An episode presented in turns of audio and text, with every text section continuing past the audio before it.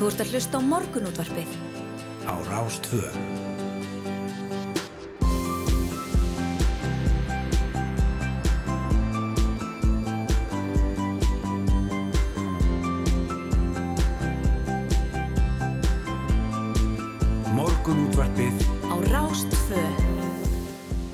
Morgunútrafið býður góðan dag, fyrstu daginn 8. júli, klukkan vantar 10 myndir í sjö og það er Yngvar Þóru og Rúna Róbertsson sem ætla að vera hérna með okkur til klukkan 9. Já, þessi góðan daginn og velkomin á eh, Fætur. Uh, ég ætla, ætla að fara að segja svona gömlu manna að fallegu dagur. Kannski ekki alveg fallegur en fallegurinn í gær. Það var svona haustlaði var í gær þegar maður kom út. Já, en núna eh, svona aðeins minkaði í já, læðinni já, já, akkurat, það er ennþá grátt en, en svona skárra veður getur við sagt, einhverjar gular veður, veður viðvaranir enn í gildi. Já, en þá erum við náttúrulega að tala bara um nákvæmlega sko, 200 metra í kringum okkur. Já, já, já, bara leiðina í vinnuna. En hérna voru fréttir í gæra að fólki lendi vandræðum, vandræðum út af já. veðri út á landi.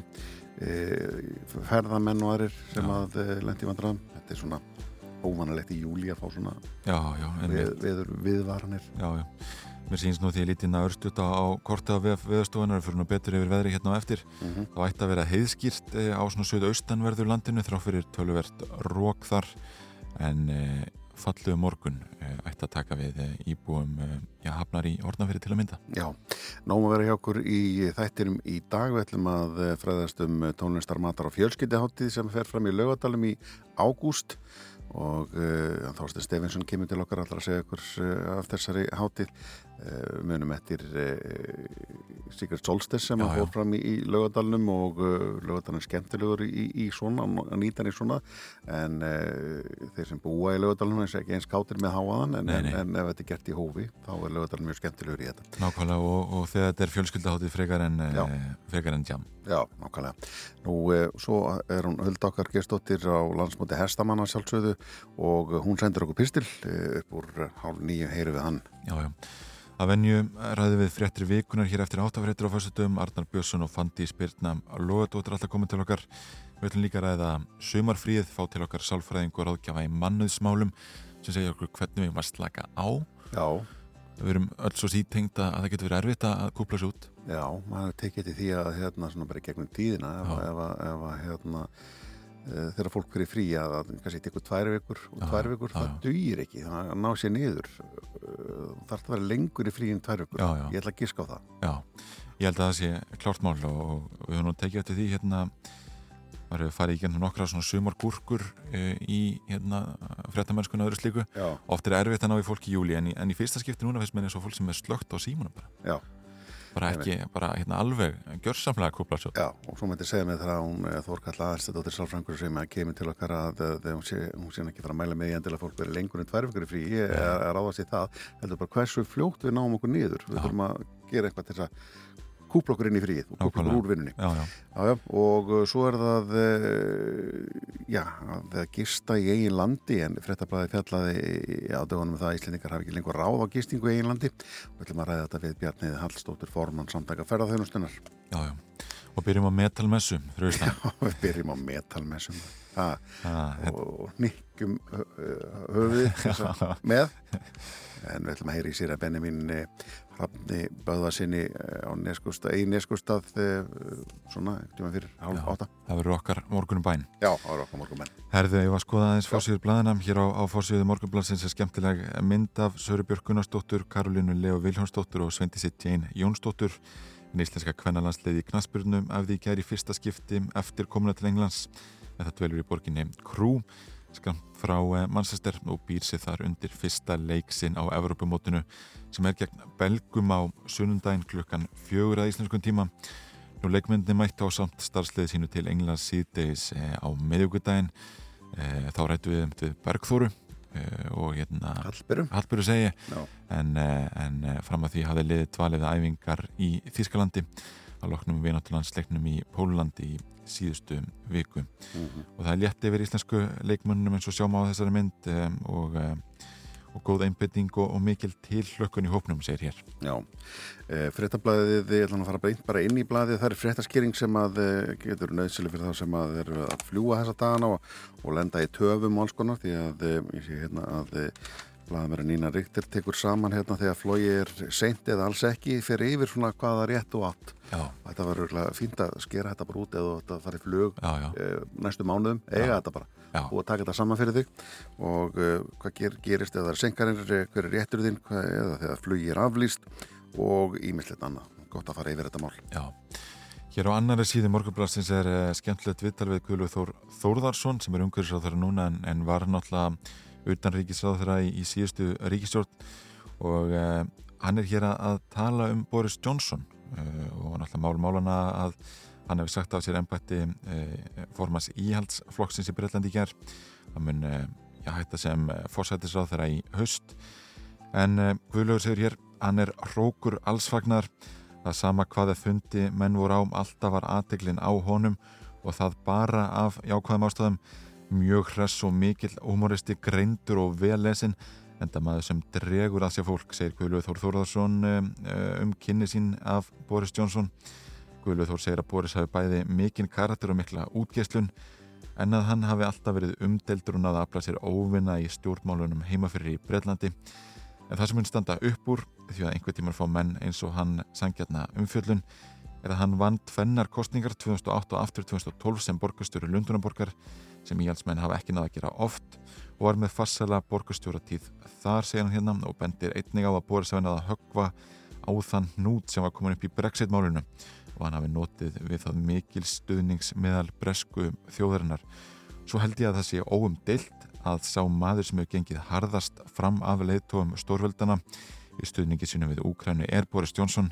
Ef Boris hefði ekki verið til staður og stuðningu breytta svo skýr þá væri allt önnur og verri staða uppi núna í Úkrænu, segi Guðluð Þóru bendir á að hann hafi nýla verið gestur, já gerður að heiðursborgara í Hafnarborginni og þessu og um, hann segir því engan vafa á að sagan muni dæma Boris betur en samfélagmenn hans nú gera og segir hér að já, brottför Borisar muni gleðja Pútin Þetta er uh, mikil lofræða hér sem uh, Guðlaugur Þór er með í morgunblæðinu. Já, held, veitur. Uh, í fréttabræðinu dag segir frá hér að Björgunsveitir höfði næga snúst í vonsku veðrinu síðustu sólarenga, bara svona sem ég var að nefna hér áðan, en þessi nánar um þetta var hópur á hálendisvætti í landmannalögun sem var sendur á lögaveginn frá kallaða. Það voru þrýr gungumenn, blöytir og hrættir og voru orðin okkur þreglitlir þegar Björgunsveitir fólki fann þá, en þá í Þetta segir Davíð Már Bjarnarsson, upplýsingaföllur við Slísavatnafélagsins landsbjargar e, í samtal við fréttablaði. Þetta er e, e, magnaðar svona í júli fólk verið álendið og bara á ekki vona svona. Nei. Og kannski ekki klætt í þetta. Nei, nei, nákvæmlega.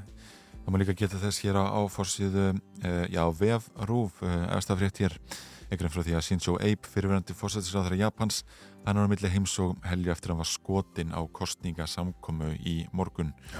Uh, fyrstu fréttir hefndi það að vera ekkert lífsmark með Abe en uh, ja, það verið ekki verið staðist.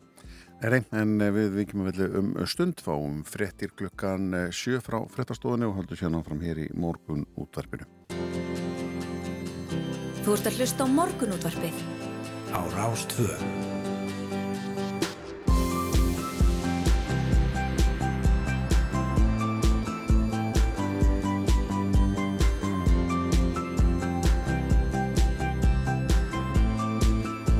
Morgunútvarpið á Rástfö Já, það er yngvar Þór Björnsson og Rúna Róbersson sem setja vaktina til klukkan nýju þennan morgunin hér á Rástöðu. Förstu dagur í dag er 8. júli, við séum velkomin á Fætur. Jú, jú, uh, góðan dag og, og uh, þrátt fyrir að, að þetta sé kannski ekki hérna mjög sumarlegu dagur, þá er held ég alltaf sumar í okkar hjörtum Já, Rúnar, algjörlega, það er sumar í okkar hjörtum. Já. Við skulum bara fara þangað beint. Við, við skulum bara fara beint þangað. Eh, Við förum víða í þætti dagsins. Við ætlum til að mynda að eh, Já, nú eru leikskólanir margir hverjir að loki í dag. Margir fóreldrar því að sigla inn í sumarfrí núna um helgina.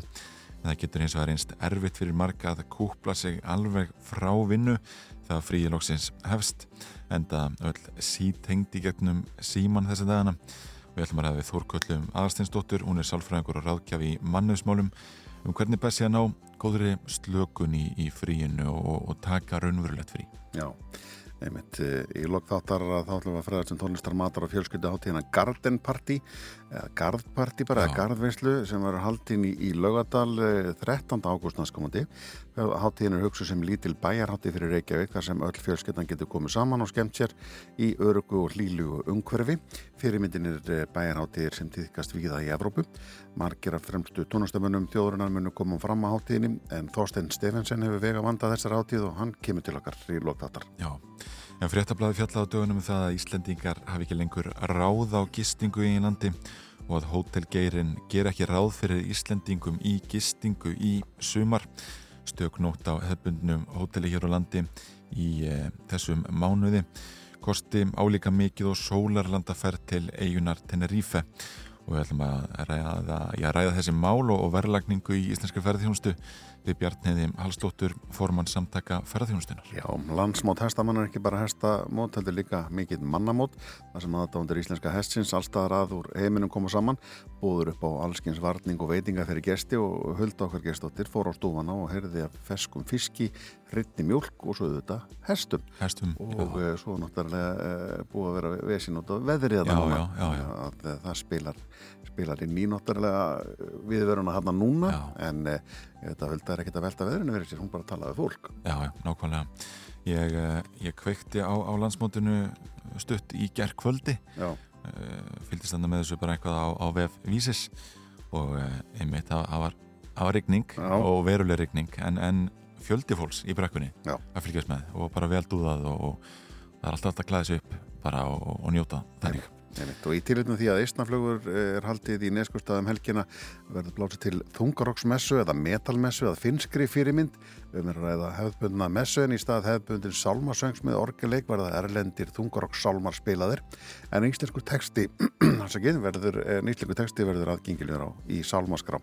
Með þetta vera fyrsta messa sinna tígundar hér á landi og sér að Benjamin Böðarsson verður á línunni í okkur eh, bara núna eftir eh, einhverjar tímyndur eða, eða svo. Já En eh, já, vennju samkvæmt fyrir við fréttir vikunar að loknum áttafréttum á fyrstutöfum að fréttaþung vikað baki Boris Jónsson fósættis á þeirra Breitland sæði af sér ennbætti leðtúa íhalsflokksins þrjúléttu lífið í Skotarós í Kaupmannhöfn og þá hóst Evrópumót Kvenna í Knatsbyrnu í vikunni. Og fjölmjölafólkið Arnar Björnsson og Fandi Spyrna Lógadóttir ætla að koma til okkar og, og ræða þessi mál. Já, skulum kíkja til viðurs eða skoða hugleðingar viðurfræðingsson í morgunsárið og viðurfræðingur og vekk segir það verður vestanátt 3-8 eh, og viða stöku skúrir í dag en allkvöss norðvestanátt um landið austanvert og ryggning með köplum norðaustan til fram að háti. Hiti 10-18 stig hlýjast söðaustan til. Á laugardag gengur í söðaustanátt með ryggningu og sunnan og vestanverðarlandun en bjartað mestu norðaustan til, hiti 10-20 stík, hlýjast á norðausturlandi og söðulega átt á sunnundag með ryggningu sunnan og vestanlands en aftur bjart og þurft norðaustan til, hiti breytist lítið. Einmitt. Við lítum hér á, á veðgerðarinnar, þá kemur þar fram að í kvöld og uh, í nótt eigi að uh, já, fræsa á Malbygga Agrin á miklu brautamilli Suðlandsvegur og Höfðabakka og veginn verður lokað og hámarsaði lækkaður fram hjá framkvæmtasvæðinu. Á Kjallanessi eh, er verið að vinna við leiðara og þar má búa sér tröflun á umferði í kollafyrði í nótt og næstu nætur frá miðnætti til klukkan 7 á mótnana. Ef við lítum hérna inn í Skagafjörðin eh, þá er vega að vinna á Söðarkróksbraut millir Birkiljaðar og Víkur umferðarhæði tekið nefnir í 50 km klukkustund og ljósastýring á svæðinu. Það steinkast á borgarfjörðavegi fyrir austan og mælt með að fólk fari Róars tunguveg og Lagarfossveg og Suðausturlandi er, ja, er hér eh, tilkynning hvað var þar höfn.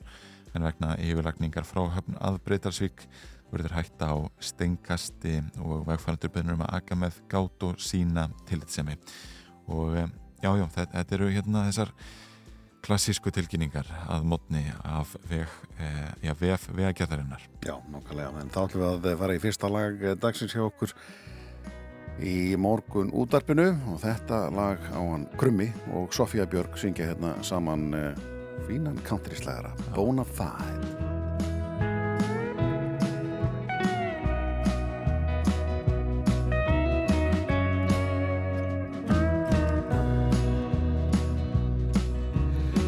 your coat, put on your shoes, let's go.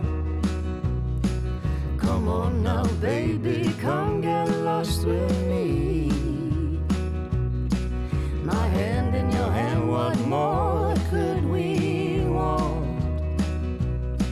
Every part of me craves your company. Gonna have fun tonight, bona fide.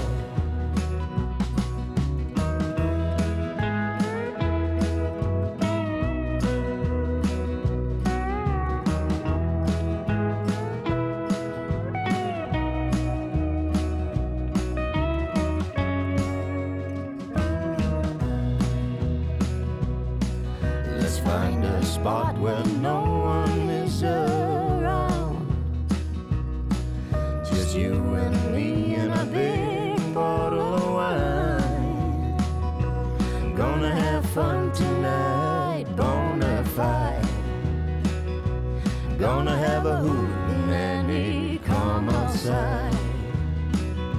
Don't waste your time on fools, let's have fun.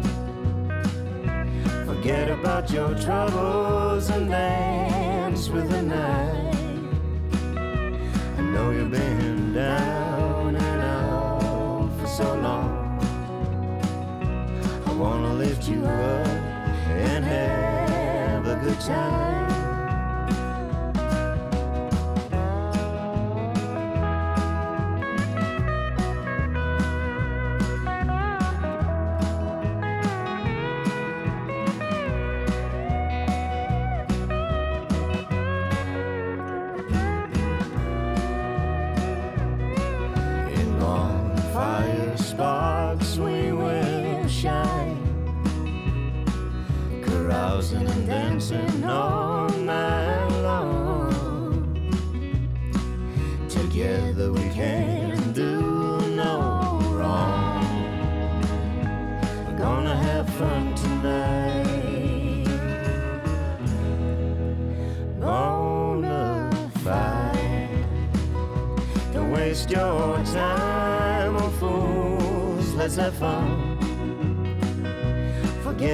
Your troubles and dance with the night. I know you've been down and out for so long. I wanna lift you up and have a good time.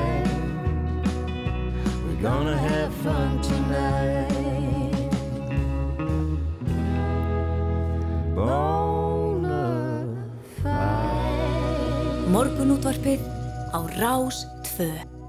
Það er betra en að koma sér í smá countrygýr Já, já. Svona snemma dags Nákvæmlega, við erum að rýna hér í, í VF-miðlunum núna og, og vorum að rekka augunni það að eh, já, framkvæmdastjóri hjá Orkunni segir ríkið vera eina aðilan sem grætt hafa á hækkun heimsmarkaðsverðs á ólju. Ríkið innhemdi nú um 20 krónum meira ákveld lítra af bensininn í byrjun janúar og oljufélagin hafi lítið svurum til mikill að lækkana bensinverði.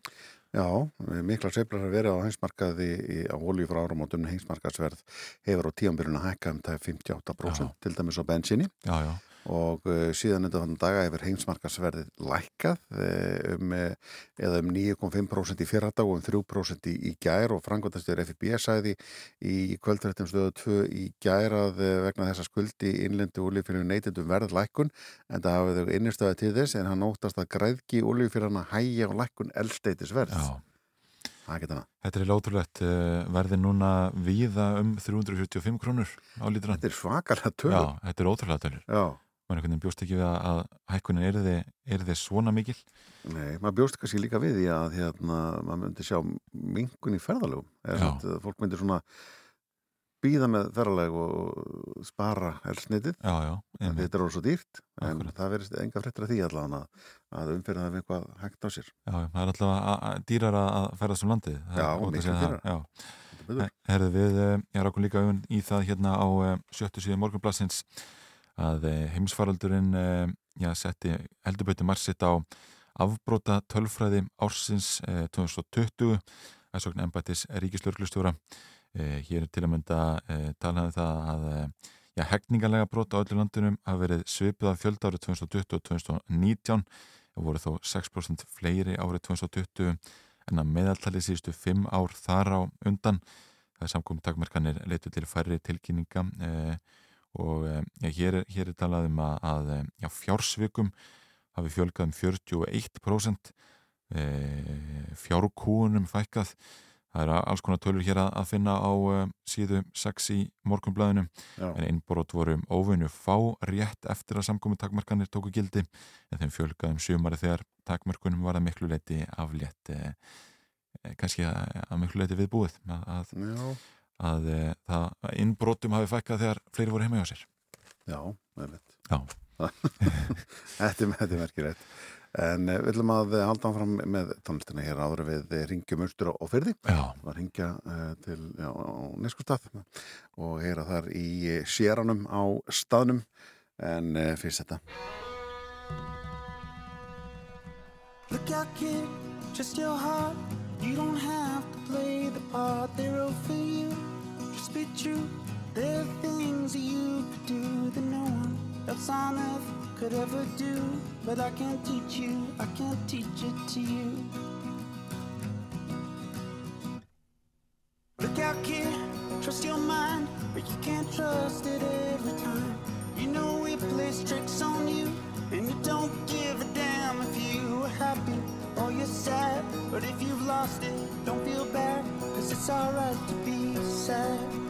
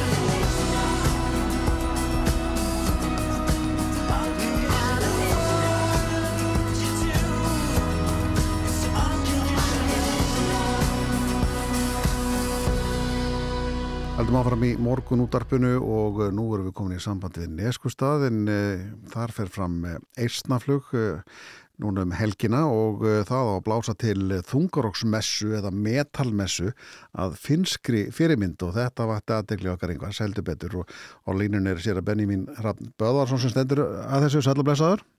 Já, sælublesaður. Þetta, þetta er í fyrsta kitti sem að svona metalmessa fer fram og uh, þá hvern, hvað er hvernig, hvað er metalmessa? Uh, bara þungur að hljómsett á sviðinu og þú að breyta á milli?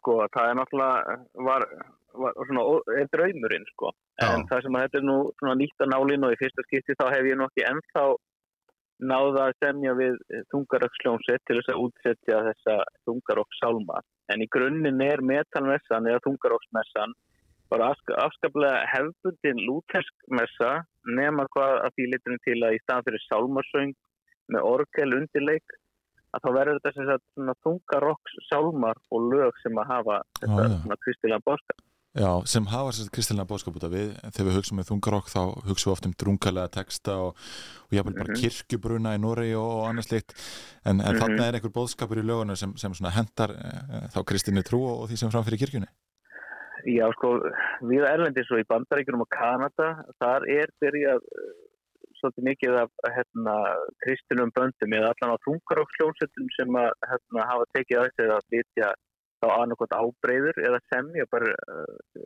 sko sálma, þungarókssálma. Þá er þetta í alls konar uh, útgáfum af þungaróki en það er til náttúrulega alls konar útgáfur af þungaróki. Já, já, mér er sér til og oft sem að mann tengir það við kannski fyrir eitthvað djöblatrú.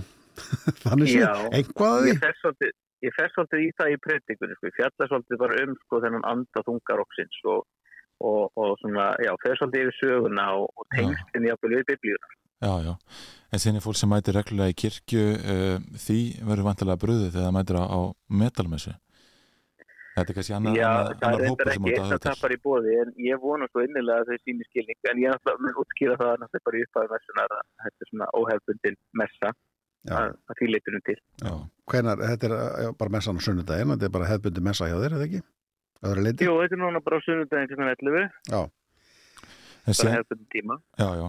en síðan er, er mikil músík í þér. Það, það var nú þannig já, frækt um árið þegar, þegar þú söngst aftansöngin það ægslaðist þannig. Eh, segðu hvað spöldi frá því. Ég tók hérna einsöng við aftansöngin eh, þá söngi hérna og helga nótt. Uh, ég veist að uh, það var smá miskilningu með mínu organistans eða veist, uh, ég sagði svona, herru, ég var nú til ég að heyra einsöng hérna og helga nótt í aftansöngnum hún já, já, og hún fór bara að æfa það með kórnum og sem bara mætti ég til þess að æfa með kórnum og, og þá var það þannig að ég ætti að taka flytti einsöngin, svo ég bara ákvaða að hérna skella í einsöng og, og söng þarna og þetta gett mjög vel sko. Ég er svona ágættu söngverði þótti sér sjálfur frá. Já, já, fólk tók vel í þetta. Já, já. Já, það er, það er skemmtilegt. En nú, nú bærin fullur af uh, þungar okkurum? Já, það er orðið, það er orðið skemmtileg stemming í, í næsku stað. Já. Já, já. Og hérna... Það myndast alltaf hérna við eitthvað flug. Já, er það bara tvöföldin á, á fjölda fólks í bænum? Ég segi það nú ekki, sko. En Nei. maður verður alveg var við fleira fólk. Já. Og, og hérna mikið af að fólki sem kemur á hátíðina sem að býra ekki á staðnum Já, já Hvernig er, eh, hefur sömari verið hjá okkur eh, í Neiskustad og áhersfjörðum er hérna búin að fá gott sömar? Já, við höfum fengið svona daga sko en, en með að við síðasta sömar sko þá, þá hefur þetta ekki verið neitt stórkurslegt Nei, nei Mm. En þetta er náttúrulega maður með sól í hjarta sko. Já, já, það er alltaf þannig. Það er alltaf mikið um að vera hérna á næstunni hjá okkur. Má búist því að þú takir metal útgáfu af óhelgunótt Sko, það hver veit? En það er ekki það er alltaf ekki í messunni á sunnundagin Nei, nei það er ekkert verið að æfa það núna ja, Nei, en, en ég, ég fæ samt eitt íslenskt lag til það flytja. Ég hérna, hafði samband við söngvara Dimmu Stefán Jakobsson og og fæ að nota eitt dimmulag í messunni sem Já. að ég mun svolítið þetta breytika út frá. Já. það lag heitir Þung Kross. Meðal með allir hlusti á það. Þetta er skemmtileg uppokama og ég efa ekki að þetta verði árlegt hjá þér. Já, ég vona það Sér að Benjamin Rattböðarsson neskustad takk hérlega fyrir að spjalla við okkur og njótið dagsins. Já, takk fyrir sömulegis. Þú ert að hlusta á morgunútvarpið.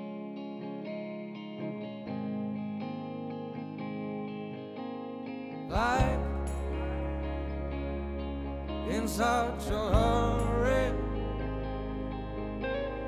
Thrive as long as you can. Goodbye to all my worry. Oh, cause I,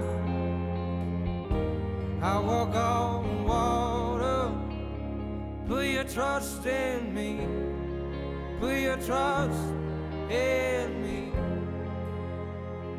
Put your trust in me. Put your trust in me.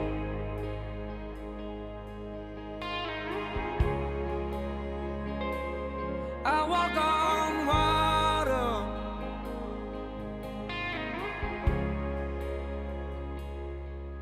I feel stronger, I feel stronger than I used to. On my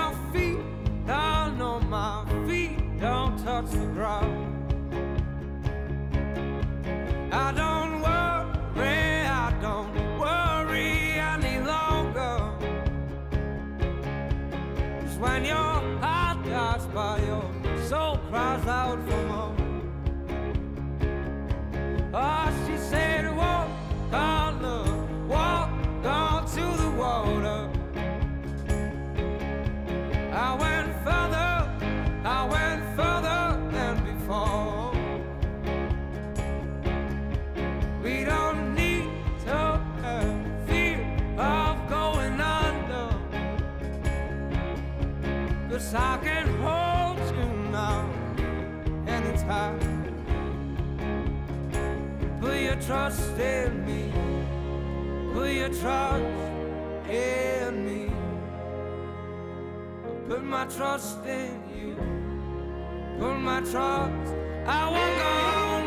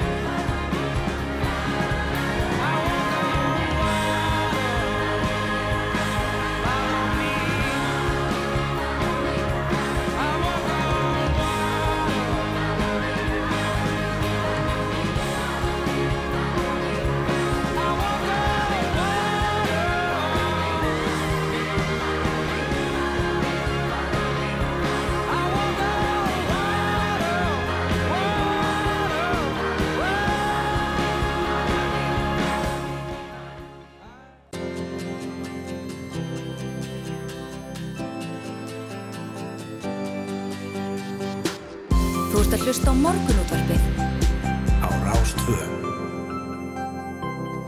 Já, við ætlum alltaf fram mér í morgun útarpinu og nú ætlum við að eh, svona, undibúa frí, já. sumafríð, þar sem að fólk er að fara í, mikið að fara í frí núna, leikskólar er að loka og uh, það þarf að hugað ymsu og uh, sumin á ekki löngu fríið, þannig að það þarf að, þurfum að finna okkur einhver aðferð til þess að ná okkur, kúpla okkur úr vinnunni eittur og þrýr, eða ekki? Það getur einn stærri til með tviri marga að kópla þessu svona almennilega út þegar fríi loksins hefst enda Já. öll einhvern veginn sítengd í gennum síman þess að dagina og hingaði komin Þórkalla Aðsinsdóttir sálfræðingur og ráðgjafi í mannuðsmálum hjá sálfræðistofunni Líf og Sál, góðan daginn Já, góðan daginn. uh, sko, eins, og, eins og við nefndum hérna leikskólanar fyrir frí og margir fóreldra þá einmitt líka í dag uh, sko, hvað þarf að hafa í huga þegar við ætlum að ná góðri slökun í sumafrí? Ég held að skipti miklu máli að undirbúa fríð og hérna vera með svona gróft plan. Inn í því getur auðvitað verið að gera ekki neitt og vera bara heima hjá sér og, og njóta þess að, að þurfi ekki að vera að fara neitt en, en hérna vera búin að hugsa þetta aðeins. Þannig að sumafríð kom manni ekki óvart vegna þá er mikið erfiðara að kúpla sér frá vinnunni og lenda inn í fríinu Já, og þá nýtum við það ekki eins vel. já. Þannig að það er mjög mikilvægt að, að undirbúa fríið, ekki endilega í neinum smáatriðum en þó svona aðalega hugafarslega. Að- við séum með Mhm. Svona ákvörðunina í kollinum. Nú er ég byrjuð eða byrjaður í fríi, það þýðir ég fer ekki inn í tölvupóstinn minn, ég er ekki með hugan við verkefni sem ég náði ekki að klára fyrir frí, það er alltaf eitthvað þannig að við eh, þurfum að skilja eitthvað eftir og uh, það er, ég þarf ekki að vera vaktinni, ég er Nei. komin í frí. Og ef þetta að kannski að ná þeir úr huganum að hérna, sem við vitum að við snúum tilbaka þá er staplinn á borðinu hann herri. Man gleymið því bara, við ekki að hugsa um hann. hann Nei, það er ekkert komið að því að hugsa um hann. Þannig að það er bara den tíð den sorg, eins og Daniti segja Mm. og hérna, við erum svo sem ekki með neitt svona frábært orðatiltæki, við notum stundum þetta rettast, það er ekki nógu gott, sko. en hérna, að við í rauninni förum ekki að koma okkur upp á áhyggjum af því sem hefur ekki gerst. Eða, eða byrjum ekki að pæla í því sem við erum ekki að fara að vinna að núna. já, já, Heldur bara, þegar kemur að því, þá beini ég huganum þangað. já, já.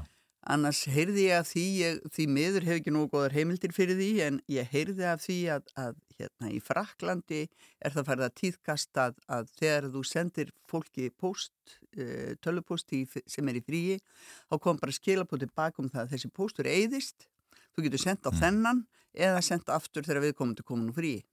já. Að það býð ekki bara. nákvæmlega, já. kvíða svo margir fyrir því að, að það býði manns uh, 1500 tölvupóstar þegar maður kemur úr frí og það er ekkert góð tilhugsun svo sem í fríinu og þess vegna laumast fólk oft til að svona þess vegna í skjóli eða felum fyrir fjölskyldunni að gringa á póstónum og þá er hausinn komin í vinnuna þá Já, ertu að spilla fríinu þínu. Þá ertu ekki að slaka á og safna kröftum og, og svona njóta þess að vera já. ekki, ekki starfsmæðurinn Það er með sama hvort við sem í vinnunni eða í fríinu, þá eru alltaf með síman e, á borðinu eða, eða í vasanum. E, þegar við erum í sumafrí, ættu við að, að forðast það í meira mæli að, að vera í símanum því að, að við fáum við svolítið skilbúð frá, frá já, mögulega fólki sem að vinna með öðru slíkum e, á, í getum aðra kannala en, en bara póstin. það er langt hreinlegast að henda póstinum út úr símanum þegar við förum í frí. Já, af því að sko þeir sem að hérna flestir geta það ef að við erum og er mjög sko ykkur neyðarmála ræða þá er fólk með símanmanns og ringir Mhm. og ég held að sé með mikilvægt fyrir sérstaklega stjórnendur sem að upplefa ofta ábyrðina taldið þunga að leifa sér það að fara alveg í frí, trista fólkinu sem tekur við á meðan ef að vinnustæðin ekki lokaður og, og í rauninni minna sig á það. Ef eitthvað kemur upp á sem er svo flókið og óleysanlegt að aðeins ég get eða verða að taka ákvörðunum það þá er fólk með símanúmerið mitt. Mhm. ringir í mig, ég er með síman Já, þannig að ég er með þessa ábyrð áfram en ég ætla ekki að vera alltaf að skrolla í tölvupústunum til að gá hvort er mögulega eitthvað sem að ég mögulega ætti að stíga inn í að því að um leið og þú byrjar að skrolla niður tölvupústuðin þá er hugurinn farin úr fríinu já. já, já. Og svo er svo einhver talar um með samstarfsfélaga að það er oft svona einhverjir e, spjallræðir í Messenger og annað slíkt. Það er hægt að e, þakka þá eða svona mjúta, eins og sættir. Já. Og e, um að gera fyrir fólk að gera það. Já. Þannig að sé ekki kannski inn í samræðum samstarfsfólksins Mhm. Mhm. eftir að koma í frí. einmitt Já. Það er drublandi. og stundum sko þá verðum við einhvern veginn svo háð vinnun okkar og hún gefur okkur öryggi og hún gefur okkur einhvern ramma að við kunnum ekkit alveg að vera án þess og þá leitu við í þetta Mhm. og ég held að sé svo mikilvægt að við æfum okkur í að vera án vinnunar í einhverjar vikur Já, ég held að sé líka mjög hérna holdt að fara í eða mögulegt að fara í svona lámark þryggja dagas, þryggja vikna, ekki þryggja daga já. samfelt frí Já, einmitt. já. Við vorum að ræða það að, að, að sko, það er miklu betra eða ekki að taka samfleitt frí í einhverja lengri vikur Já. en að taka alltaf einhverja svona þrjáta hér og þar. Jú.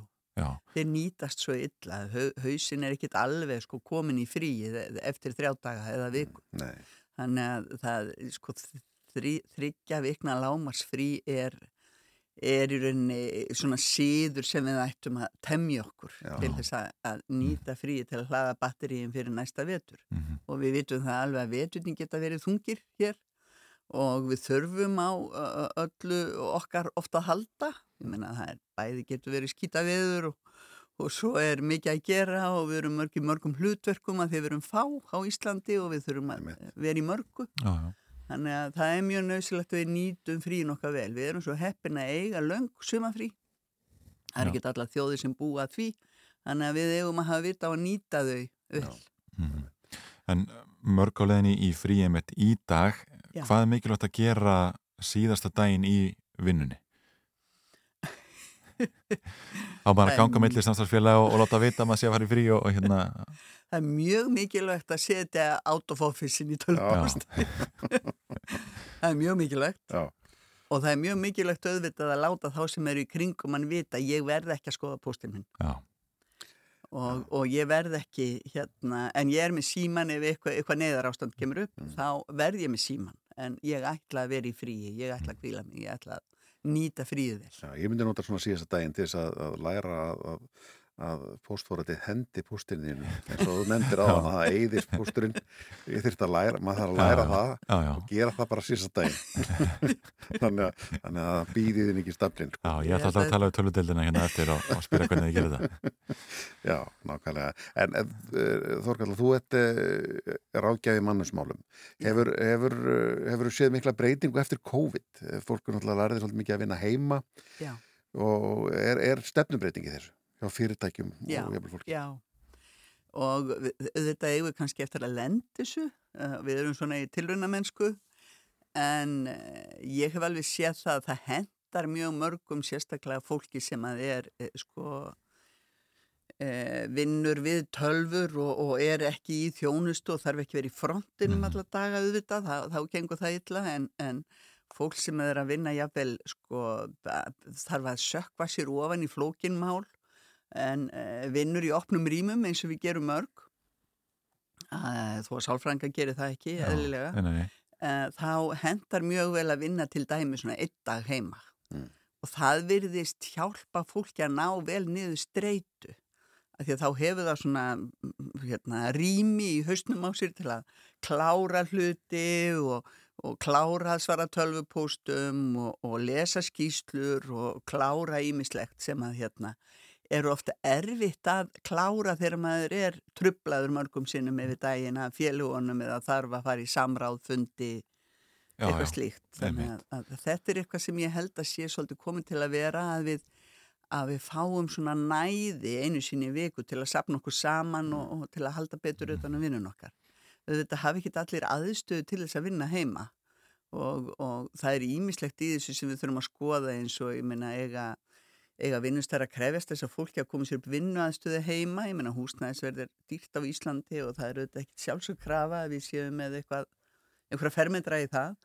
En uh, hver og einn er að reyna að finna út þessu svolítið sjálfur og í samræði við sína yfirmenn og ég, ég sakna þess að við tökum ekki sko umræðina betur og svona af meira ábyrð um þetta. já, að við lærðum að vinna heima í COVID. Sumum hendar það mjög vel, öðrum hendar það illa og við þurfum að vera sveigjanlegri þarna til þess að hérna, já bara halda betri hilsu já, einmitt. Heldur þetta geta haft áhrif á sumafríði því að nú höfum við verið að vinna heima og kunnum miklu meira inn á Já. remote eh, desktop og, og VPN-tengingar og allt þetta og komast inn í öll okkar skjöl heima Já. sem við gerum ekkit endilega áður að kunnum alltaf ekki gera. Eh, það er auðveldur að grípa í tölvuna og Já. klára eitthvað eitt mál. Já. Eh, hefur ágjörð því að, að það verði þróunin? Sko það hefur verið þróunin líka fyrir COVID að hérna fólk er einhvern veginn opnandi litla skrifstofur á flugvillinum og, og, og í, í veitikastænum í útlöndum og bara allstaðar og, og, og sundlega bakkanum og sem að þýðir að hausin á okkur er alltaf í vinnunni sem þýðir að hann kvílist ekki. Já. og ég held við þurfum að vera svo mikið meðvitaðru um hennar okkar eigin orkubúskap í hvað við að setja orkuna á hverjum tíma og erum við að hlaða inn á kerfið eða erum við alltaf að taka út Já. af því með því að við erum alltaf að sinna skildum sem eru gagg út á við. Við sinnum ekkert mikið skildum inn á við. Hvernig fer ég vel með sjálfa mig og hugað hilsunni og heldur vel utan um mína orku og kvíli mig nóg og svo framvegis. Við erum ekkert nógu upptekinn að því heldur eru við daldi með þessa framistöðu kröfu alltaf á okkur. Ég þarf að vera til staðar, ég þarf að vera liðsinnöllum, ég þarf að svara og, og standa mig og það gefur okkur auðvitað daldi kikk sko en það er til lengri tíma litið mjög sko lúmst hættulegt Mm. og það sjáum við auðvitað á því hvað hérna stækkandi hópur örmagnast út af álægi og, og dettur út af vinnumarkaði Já, já. Þannig að þetta er, þetta er svona nýja váin sem við þurfum að, að, hérna, að vera meðvituð um og, og, og við þurfum að læra inn á þess að tækna mikið betur að við stýrum henni, hún á ekki að stýra okkur. Mm. Okkur finnst þetta allt mjög fancy og flott, sko. Að læra að búa til herbergi og Zoom og vera með litla fundi og svo saminumst við og þetta er allt frábært og, og gaglegt, Já. sérstaklega þegar við þurfum að miðla upplýsingum og svona, sko. En uh, við þurfum auðvitað að stýra þessu sjálf. Já, já, nákvæmlega. Og nú skiptir öllum máli að skipulegja frið, byrja þar. Byrja þar, skipulegja fríð. Þórkalla Arsinsdóttir, sálfræðingur og ráðgjafi í mánuðismálum hjá Sálfræðistofunni Líf og Sál. Takk fyrir að kíkja til okkar í morgun útupið. Takk fyrir að fá mig.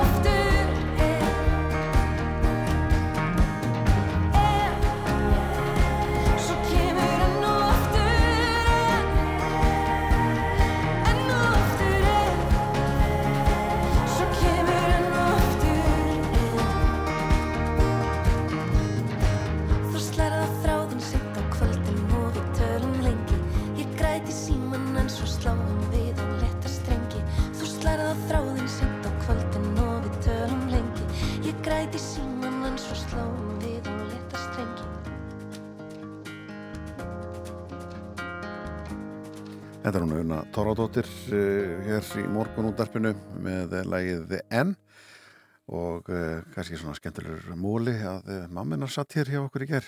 Já, Svandi Sársdóttir. Já. En hún er, já, frábær tónlistakonna og, og, og ekki séu textasmiður. Já. Það er hérna mjög áhugavert að lesa textan hennar og, og rýna í, í þá. En við ætlum að færa aðeins og, fjallum ferðarþjónstuna og, og ferða lög hérna beint eftir um fjöllunum sumarfrí. Já. En e, fréttablaði fjalla á dögunum um það að Íslandingar hafi ekki lengur ráð á gistingu í Englandi og að e, já, hótelgeirin til að mynda ger ekki ráð fyrir Íslandingum í gistingu í sumar. Stöknótt á hefbundu hóteli hér á landi í þessu mánuði kosti álíka mikið og sólalandaferð til eigunar tenni Rífe og Bjarnir Hallstóttir formaður samtaka ferðarþjónstunar er komin að línuna, góðan daginn Góðan daginn Er verðalagningin í, hjá íslensku ferðarþjónustu fyrirtækjum þannig að, að það verða að útiloka Íslendinga? Nei, ég held að þetta sé nú tölverð tekið úr samhengi þetta ákveðna tilvík sem var í fréttum daginn, ég held að það sé nú algjör undatekning og sennilega dæmið það sem gerist þegar, þegar eh, hótelin eru löngorðin uppselt. Mm -hmm. Það er nefnilega þannig að, að erlendar ferðaskrifstofur og ferðaheilsalar þau, þau bóka taka frá hótelherbyggi, ekki bara á Íslandi heldur út á um allan heim með mjög löngum fyrirvara og selja þau síðan til sína vískita vina svona yfir vetturinn eða, eða hvernig sem það er. Og í ár var eru aðstæðunar einfallega þannig að, að það er bara nánast allt gistirinn uppselt. En sum þessara hótala eru samt með samninga við bókunavilar sem að feða á um það að þau þurfa að hafa eitthvað frambótt og þá vill þetta stundum til að, að herbyggin eru einfallega verðilega svona vegna þess að hótelin geti tekið við fyrir bókunum. Þannig að það er nú svona í skýringin á þessu en, en, en svona almennt það er náttúrulega bara gilda lögmál frambóðs og eftirspurnar í þessum og öðru sko. Mm -hmm. Það var mikil áhersla lögða það síðasta sumar að fá, og já síðastu tvö sumur getur við sagt, að fá Íslendinga til að ferðast um, um eigið land og, og e, Já, og, og, og, og svona njóta þjónustu, íslenska ferðarþjónustu fyrirtækja, en áherslan verist ekkit endilega vera þar núna eða hvað? Já, við getum líka spurt, er áherslu Íslendinga þar eða, eða eru þeir meira að fara til útlanda? Mér, mm -hmm. mér sýnist það nú, en, en hins vegar er það miður ef Íslendingar og ferðarþjónustu aðalega ná ekki saman þarna því að það er mjög mikilvægt fyrir okkur öll að Íslendingar ferðist innanlands en hins vegar þurfa kannski íslenski ferðarmenn að fara að breyta örlítið hugsanarhætti sínum varðandi ferðarlega innanlands og bóka einfallega með meiri fyrirvara. Mm -hmm. Ég veit að við viljum náttúrulega helst ferðast þetta veðrinu en, en, en við erum náttúrulega orðin þannig, orðin þannig ferðarmennarland að það bara getur verið mjög flókið að gera það, að fá hótel eða gistingu á þeim tíma þar sem veðrið er gott hverju sinni. Þannig að við þurfum kannski bara að fara að endur húsa þetta eins og og eins þegar bókað er með meiri fyrirvara þá fæst líka allir jafna læra verð. Já, einmitt. Já, Íslendingar hafa kannski einhverju liti verið einmitt að bóka tölvert seint að liðar á sumarið og, og það líkur fyrir hvernig veður verður í, í hverjum landsluða. Já, það nefnilega hefur svona verið okkar stíl í, í, í ferðarlegu minnanlands að reyna helst að elda veðrið sem er náttúrulega bara mjög skiljanlegt en það fer hins vegar ekki saman með þessu með þessum uh, formi sem orðið er á, á skipulagningu, á ferðarþjónustu og gistingu hérna innanlands, það sem að allt er meira og minna bókað með margra mána eða ekki ára fyrirvar. Já, hvernig er... Þannig eins og ég segi, það þarf kannski að hugsa þetta eftir. Já, hvernig er uh, sumarið að koma út núna? Er við komin í, í, í, í sama fjölda fyrir COVID í ferðamönnum eða eigum við langt í land? Já, nú vitum við ekki alveg svona fyrir en eftir á hvernig, hvernig þegar tölur komið upp á kassanum að lókum en, en, en þetta hins vegar er að fara miklu hraðar á stað heldur en við áttum vona á. Já. Þannig að það er, ég hef svo við förum hátt í það, mm -hmm. náðu kannski ekki alveg en, ég sem fyrir langt leiðina í sumar. Já, já. Vantar en mikið stafsfólki í ferðjónstuna? Erum við að, að ég staðan þannig að við getum ekki, já, staðan þannig að, að, að sko, við náum ekki að anna eftirbröndinni? Já, það fer svolítið eftir í hvað geira.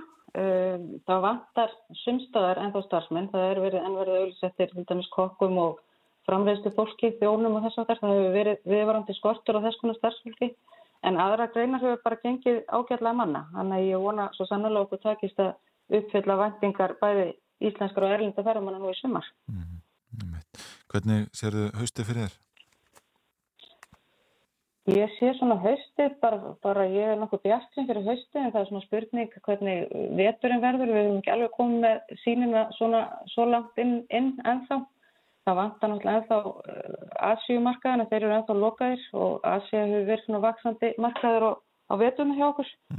Þannig að uh, það er bara að hafa bjartinn áfram á vatni. Við, eins og ég segi, við vitum ekki alveg hvernig þróunin verður. Nú er virðist faraldurinn verið ykkur uppseflu einhver staðar og, og víðast hver en við vonum náttúrulega að það þurfa ekki að koma til nefna takmarkana því að þeim völdum en, en þetta er samt ennþá svona tölverð óvis í kortan.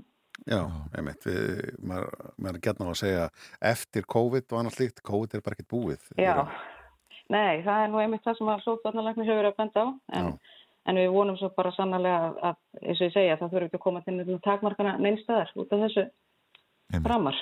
Þú komast ekki lengra í þetta skipti Bjarnir Hallstóttir formaður samtaka ferðarþjónustunar. Takk fyrir að, að vera á línu hjá okkur í morgunúðspilinu. Takk fyrir mig. Takk fyrir og uh, njóttu sumarsins. Við viljum að halda fram hér uh, frettir klukkan átta og uh, svo er það frettir vikunar. Við fáum til góða gesti í það. Arnar Björnsson, frettamæður, hann kemur til okkar og oh. Fanny Birna Lóadóttir, frettamæður. Nákvæmlega, Fandís Birna Lóðadóttir, hún ætlar að kíkja til okkar hérna og Arnar Björnsson, það var náttúrulega margt sem gerist í vikunni, Boris Jónsson saði sér ennbætti leitt og íhalsflokksins á Skotaros í Kaupmannahöfn og Evrópmót Kvenna í Knatsbyrnu hóst í vikunni. Fyrstileikur Íslands núna á sundaginn. Já, ég meint það, þetta er ekki náttúrulega spöndur. Ég er mjög spöndur fyrir því og, hérna, og öll fjölmjöla umfjöldun held ég hafa ítt verulega undir stemminguna. Nákvæmlega. Frétti framöndan en fyrst Tal Bakmann. Touch the silicone. She's touch, smell, sight, taste, and sound. But somehow I can't believe that anything should happen. I know where I belong, and nothing's gonna happen.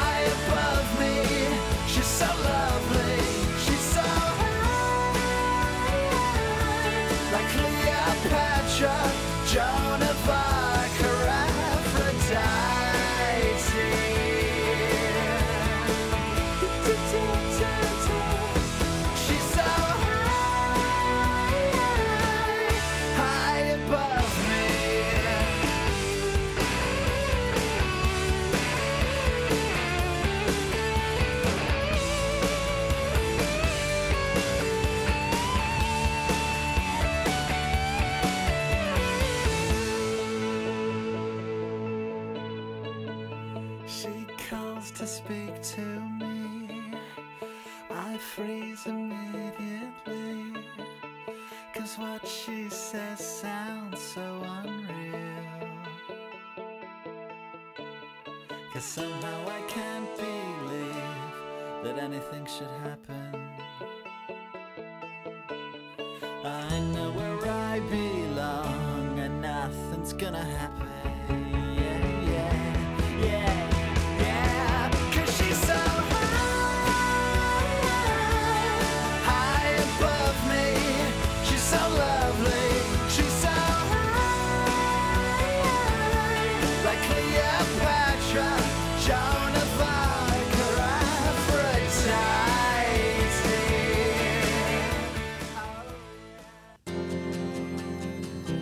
Þú ert að hlusta á morgunútvarpið.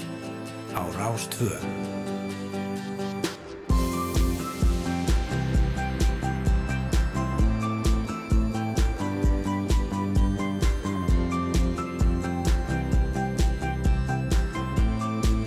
Morgunútvarpið Á Rás 2. Já, við höldum áfram hér í morgunúttarpinu Yngvar Þór Björnsson og Rúna Róbertsson og kannski að bæta við eh, fyrir aftan við fréttatíman smá veðurspá. Já. en horfum á landinu næsta sólarengin er þannig norðvestlag 8 3 til 10 metrar á sekund en 10 til 15 sunnan og austan til. Viða smá skúrir en regning með köplum norðaustan til fram að háti hitti 10 til 18 stig hlýjast á söðausturlandi Söðaustan og austan 8 til 15 með regningu á morgun en bjartað mestu norðaustan til snýst í sunnan og söðvestan átt setnipartin hitti 10 til 20 stig hlýjast á norðaustanverðu landinu Mm, Ágætt að nefna þetta aftur. Já, já. En uh, venju samkvæmt fyrir við yfir fréttir vikunar á loknum áttafréttum. Það er engin undantekning á því í dag þennan ágæta fyrstdag. Fjölmjöla fólkið Arnar Björnsson og Fandi Spyrna Lóðadóttir hinga komin. Góðan daginn. Góðan daginn. Ég held sér rétt að byrja í Breitlandi. Boris Jónsson, fósættisráð þeirra, saði sér embætti leiðtóa íhalsflokksins í gær. Það er hér, eh, já, tölvöld langt við Guðlu Þór Þórðarsson í, í morgunblæðinu. Hann segir að brottför Boris Jónsson eh, muni gleðja Pútín og að sagan muni dæma Boris mun betur en samfyramenn hans. Artan, við byrjum að þér, eh, heldur að þetta sé rétt hjá eh? Í það og bara eftir að koma í ljós, jú, ég hef svo nú að Boris Jónsson fá nú kannski svona sangjarnari dómaheldur en hann er að fá núna akkurat í augnarbyggjinu. Þetta er búið að vera mjög litrikur karakter, það er ekki, fyrir ekki neitað og hann kannski gróf sína eigin gröf sjálfur því að e, það var svo sem ekki margt í spilunum að e, þegar að COVID kemur að, að, að hérna, hann væri á einhverju útlið. Nei. En síðan hefur þessi atbörður náttúrulega verið alveg ótrúlega og hann hefur svona svona aðeins skauta fram hjá sannleikanum og sagt svona hálgerðar hálsögur og, og þetta svona, þessi gremja fór síðan að, að magnast innan, innan eh, raða flokks, flokksins og eh, svo þegar að Ritchie Sunak og, og Sajid Javid segja af sér tveir þungavekta menna þá náttúrulega sámaður raun og veru í hvað stendi. Já, já. Þetta er en, enga smá kanónur. Já, já. Það virtist einhvern veginn ekkert býta á Boris eh, framan af en, en þetta var svona drópi sem fylgdi mælinn. Já, og þetta er svona áhugavert að maður minnist á það að það, hann sagði minni dæman betur. Ég held að líka bara almenningsálitið hafi ekki, haft já mikil áhrif á hann sé að fara í þetta skipti. Þetta er það ósætti innan flokksins. Það er, eh, ég held að ef að það hefði ekki komið sem svo að allir þessir ráðurar hefði hætt, þá hefði þetta ekki komið til tals að hann myndi þetta segja af sér. Þá væri þetta bara neitt vandragangsmálið sem að Boris hefur þurft að, að díla við. Eða þau skapað sér sjálfur. Þannig að þetta er meira átök innan íhaldsflokksins heldur átök gegn Boris sjálfum, náttúrulega út af bara hann er ekki að já, miðla upplýsingum rétt til, til sinna undirmanna og Já. það var bara svona langvrandi ónæg en það, já, En það er hún sé eh, djúft í, í flokknum, held að verði, verði einhverja hallabildingar núna? ég held ekki Nei. finnst það ólíklegt ég, Já, það ég veit það. Ég held nefnilega að, að þessi atbyrður sem tekur ólangan tíma. Þannig að menn segja ó mikið á þessum tíma og, og þetta svona kannski verður til þess að staða, flokksins verður kannski svo lítið erfið. En ég held að, að, að þeir sem að núna fara að berjast um, um, um valdastólinn í flokknum, að þeir komið til með að spretta núna fram hver af öðrum og nú er Ben Wallace reynda Mhm. talinn svona sá líklegast í vartamálaræðaran en, en ég held að, að þeir hefðu þetta að gera þetta miklu fyrr Eh, Boris fór náttúrulega í, í það var líst van, vantrösti á hann fyrir Mhm. nákvæmlega mánuði Mhm. Og hann stóðst það 148 lístu vantrösti en 211 voru á móti því. Síðan bara breytist vikstaðan á skömmum tíma og ég held að það hafi verið mjög mikil mistök að, að, að gera þetta ekki fyrir því að menn eru búin að segja svo mikið í, eftir þetta gerðist og það held ég sé bara ekki gott fyrir flokki Nei. en það er samt kemur líka á móti að íhaldsflokkurinn hefur sínt að hann er enda með rosalega sterkast stöð, þetta er þriði ráðherran í röð, fórsættisráðherran í röð til að segja af sér úr röðum íhaldsflokksins, samt er lítur ekkert út fyrir að það sé að fara að vera búið til kostninga, þetta verður þá bara annar leittói sem að teku við. Já, það talaði um að, einmitt að formaður verkamannaflokksins sé bara mjög lítlus og, og, og hann ekki reyndar sjálfur. fekk hrós fyrir framgöngu sína eins og þingjunu í, í, í fyrradag þegar hann raugrætti við Johnson, það kom svona smá litur í hann en emitt, þetta virðist vera meira svona já, kemur verð út fyrir verkamannaflokkin að þeim takist ekki þrátt fyrir að allir sem neykslismál mm. íhaldsflokksins og að þrýr fósættisráður núna í rauð hafi sagt af sér Já. að þeim takir samt ekki að koma sér almennilega inn. Við mögum ekki gleyma því að það gæti orðið leitt og kjöri í báðum þessum stóru flokk. Já, það hefur líka, starmer ekki, ekki kannski þótt nú mikill leittói en það sem hins vegar kem mér mest óvart er það að Dominík Raab er varafósitt og af hverju Mhm. er hann ekki bara, tekur hann ekki við kemur þannig að láta Bóris halda áfram fram til hösts finnst mér mjög skrítið Já. Hann sjálfur búin að gefa út að hann vilja það ekki. Já, já, einmitt. Uh, þið voru bæði á, á vaktin í gær, einmitt Mhm. að, að fjallum þetta mál. Boris Jónsson heldur ræðu þarna hálf tólf að íslenskum tíma. Mhm. Uh, ræðin til þurfa stutt, einhverja sjö mínútur, ekki lengri. Var einhver sem kom á óvart eitthvað mati í þessari ræðu? Nei, í raun og veru ekki, eh, en það var eins og rosalega gaman að fylgjast með í gær því þetta var eins og íþróttakappleikur og, og maður að fylgjast með bæði Sky og BBC og. Og það var verið að tala við fólk með maður var að býja eftir einhverju fleiri upplýsingum og öll viðtölum voru stöðuð. Nei, heyrðu það var að bætast til hérna uh, menningamárraður að vera að segja af sér og Já, þá já. eru rótnir x-marki skiljið, þannig að þetta var maður var bara að fylgjast með bara flottum að stíðin voru alltaf að, að þeim var alltaf að fjölga. Já, bara 60 stygg. Já. Já. Akkurat. Það er ég, svona við þessari ræðu þá kom líka, kom hann inn á þetta, hann rósaði sér eins og til dæmis kom inn á með Úkrænu og hvernig hann hefur skapað sér sess í þeirri, þeim málstað svona uh, vinur Rótminn Silenski, Úkrænu fórseta og þess aftur, þannig það er spekur upp líka spurningar hver, hver mynd taku við keflinu og hvort það muni gera það sem með hörku og uh, næsti leitói muni gera. En náttúrulega held að stefna Bretland heldur eins en eins og Dimitri Peskov uh, var í síma viðtalið í gær það sem að hann í helgurinn verið hlakkaði í honum að hann væri að fara. Hann sagði að hann líka ekki vel við hann og að Johnson líka ekki vel við þá Já, já. Já, var ekki- var ekki eitthvað að tala um það að, að loksins væri þá kannski hægt að sittast að samningaborðinu við breyta að hann er færi Já, tala við Já. einhverja skynsama menn eins og, eins og þeir orðuðu það. Já, já. En eh, Johnson hefur verið náttúrulega litríkur karakter í, í bresku samfélagi núna í ára tugi, fyrst sem svona fjölmjölamæður og, og, og, og spekulant og, og síðar sem stjórnmálamæður. Hvað aldrei hann fara að bralla eftir, eftir að hann lætur að embætti, já, bæði formars Ísflokksins og, og síðan sem haust? Það var náttúrulega verið að tala um það að myndi nýta tíman þessa hugsanlega þrjá eða fjóra mánuði sem hann uh, verður áfram fórsættisræðari til þess að efna í bók því að, því að hún verður ábyggilega já. þegar að, að, að því kemur. Ég hugsa að hann fari að gera eitthvað, eitthvað slíkt svo náttúrulega eru þessir kallar geta farið í fyrirlestra ferðir og verið heiðusgestir hér og þar. Já. Ég hugsa að kannski hann drægi sér í hlið og fara að, að sinna fjölskyldunni, hann er ung börn og, og, og hérna og eru örglega tilbúin til þess að bregða leik með þeim eins og hann hefur gert fyrir framann sjóarsælandan. Já, já. og svo trátt fyrir þessi, þessi alla þessa umræðu og átök hérna í Brellandi þá er stutt í breska húmórin ég sá Mhm. mynda Big Sam eh, fyrir utan dáningstöfti tíu en eh, fyrir þá sem þekka hann þá var hann svona þekktur í, í enska boltanu fyrir að taka við liðum sem er að falla Já. þannig að það var mynd af honum fyrir dáningstöfti tíu hann er næsti fórstur á þeirra þannig að það er gaman að sjá að Brettin hefur húmór fyrir þessu líka Það var líka mjög fyndið aðtökk í gerð þegar það var þingmaður í viðtali hjá skæði mitt allt í hennu byrjaði Benny Hill lagið Já. að óma. Já. Það var allt bara einhvern veginn svona farsakent og já, mér skýrst að það hefur verið einhver mótmálahópur Já, sem að var með við þarna- spilaði bara þarna við. spilaði þarna undir Mm. og, það var já. rosalega fyndið. Já, já, einmitt. Þetta var frétta þung vika og sérstaklega með við uh, júli mánuð, getur við sagt. Uh, vikan alltaf byrjaði á hrikalegri skotarás í Kaupmannahöfn, uh, þrjú létu lífið og, og fleiri særðust.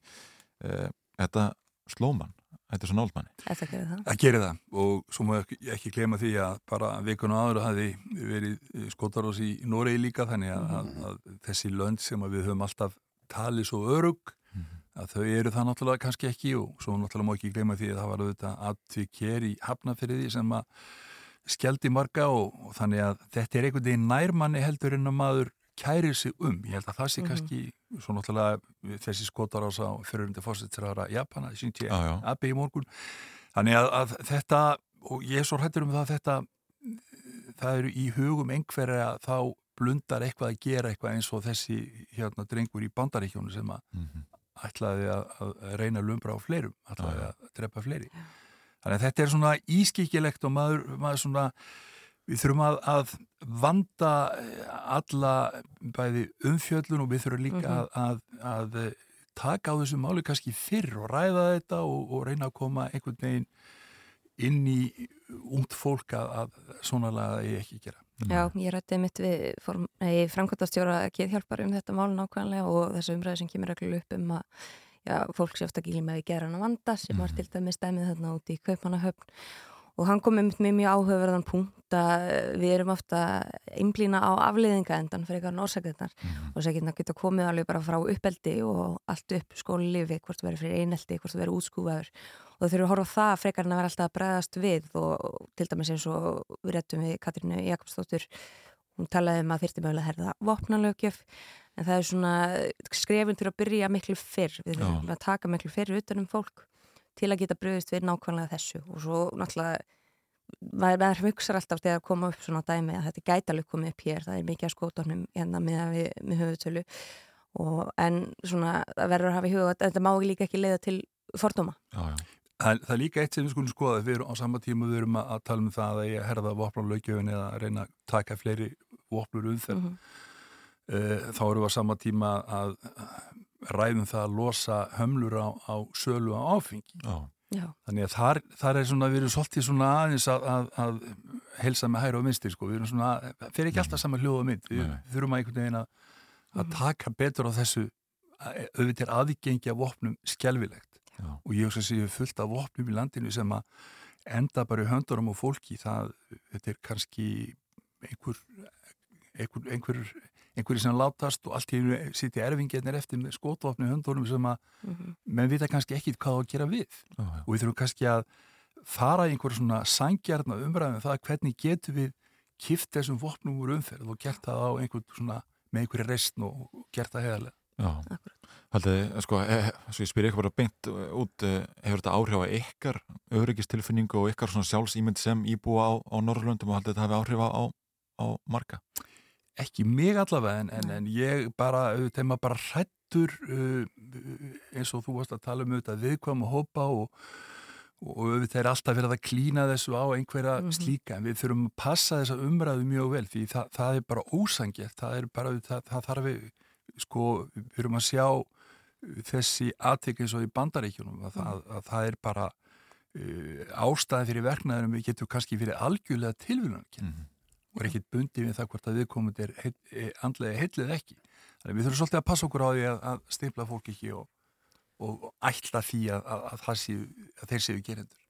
Ég er sammála því að þetta hefur ekki mikil áhrif með persónlega, með svona bara, ég er kannski orðin það sjóðaður á því að vera í fjölmjölum en þetta hefur líka samt áhrif á mann sem fjölmjölumann og það maður vill að sjálfsögja gera rétt, maður vill tala um þetta rétt og sjálfsögðu er þetta rosalega ókvæmlega þróun og þegar maður fréttir á skotarásbari hverju viku og þetta færist nær og nær manni að sjálfsögðu spila það inni en við megum samt ekki láta óttan taka yfir og einmitt vera þá að leita eitthvað um til að kenna um þetta er bara svona einhvern veginn að taka á þessu sem samfélag og leita að orsökunum, hvernig við getum komið í veg fyrir að nokkuð svona gerist í staði fyrir að bregðast við því ef það gerist eitthvað tíma. Já, ég held að þetta maður fara okkur aðeins yfir í, í boltan, Európamót hvenna í knaspurnu, hóst núna í vikunni, hvernig finnst ykkur mótið fara að staða?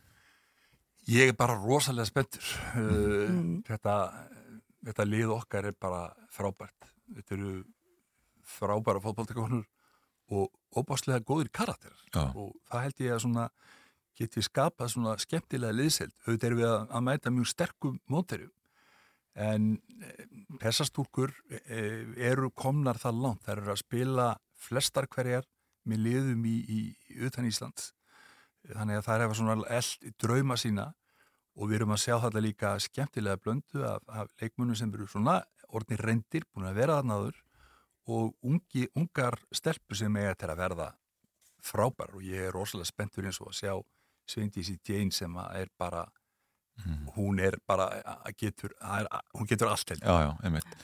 Fannst það mikil stemming í, í kringum mót? Já, það er það og það er bara frábært að fá þetta mitt inn í hann virðist alltaf að verða rosalega leðilur júlímánu Já. í veðrinu alltaf hana þannig það er bara frábært að geta létt lundina með ykkur svona og það verður bara ótrúlega, ótrúlega gaman að fylgjast þeim með og sjá hversu vel um gengum þeir eru ótrúlega uh, flottar og maður, ég veist ekki að það er náðu langt Nei, nei, já, fyrsta mm. æfing eftirkomuna til Englands í gær, eh, fyrsti leikur á sunnundaginn gett Belgum, hvernig haldið það að það fari? auðvitað er maður alltaf eins og ég náttúrulega var, var það lengi í sportinu að, að, og sagði oft svo margar dánafréttir en auðvitað er maður bara svo kátur og gladur með að þetta sé að fara á stað og ég er bara fullur bjessin, ég held að ég held að þessar, uh, þetta liði eittir að gera flotta hluti og uh, ég býr bara spenntur eftir því að, að, að, sjá hvað að gera á, á sunnudag. Mm. Það er nú einn íslíku þegar byrjar búin að hefja leik og Marja Þóristóttir í gær með Norrmönnu, Norrmönnu náttúrulega uh, rúluði yfir Norður Írlandi eins og maður svo sem bjóst við. Norður Írar uh, kannski hægt að skoða leikin í gær svolítið í ljósi þess hvernig við vorum fyrir raun og veru ekkit svo rosalega mörgum árum. Þá vorum við svona í hlutverki Norður Íra. Við vorum ekki stórað þjóðinn og, og, og kunnum þetta ekki. En nú er bara komið svo mikið kunnat við erum búin að vera á stórmótum á, nánast reglulega og, og það er komið svo mikið reynsla. Það er vit alveg hvernig á að, að taka á þessum hlutum og, og ég, þess vegna segi ég bara, er bara eins og eins og lítið gutti sem er að fara í þrjúbíu Hann fannst ég með sínarfaldin karatiliði þegar það var hann í æfingalegnum við bólverjum daginn, fengi á sem mark bara í andlitið já, já, rétt fyrir hálfleik og það er nú oft svona sálrænt að, að, að drepa fólk niður. Já, já, þetta skoruð bara þrjú í setni Já, já, já, já, ég hætti að vera eitthvað svoleiðis. En, en að því ég voru að tala um að mittu staðis á veðri aðan, þetta verið leðileg júlímanuður ég hafði nú orðað því ég gerði þegar ég kom út er ekki að stittast í réttir Já. það var bara eins og þetta væri höst það var fyrsta höstlaðin í gær. Það var bara klukkan 6 Hessilegt að fá svona fyrsta höstlaðina í Ég segi byrjun júlí. Já, já, já, en talandi um veðrið og allt það hvað, eh, endum áttu á því að spyrja já, hvað er alltaf að gera um helgina? Eh, byrjum að þér fandís Ég ætla bara að njóta þess allavega en að vera í fríi, búin að vera smá vinnutökn hjá mér þannig að ætli maður ég, ég veit það ekki, það er svo erfitt að ætla að plana eitthvað þegar að verið er svona en jú, jú, maður finnur sér eitthvað skemmtilegt hvort sem maður er að fara eitthvað út eða vera heima í kósi Já, já, emitt, hvað séð þú var Ég er í fríum helgina og ég ætla að byrja því að fara í golf. Það Já. er, það er batterið sem að fer ekkit úr mér, hún er, þetta er dásanlegt Já. og spilar ekkert inn í þótt að regningin sé. Ég er nefnilega þannig að, að, að því að ég er það nýbyrjaður í þessu að, að mér finnst að það skiptir engum meðan maður stendur í lappinnar og getur slegið þá er þetta alltilega Þetta er ágætt loka orð, Arnar Björnsson og Fandi Spyrna Lóðadóttir, takk fyrir að, að kíkja til okkar í morgunúttabið Takk fyrir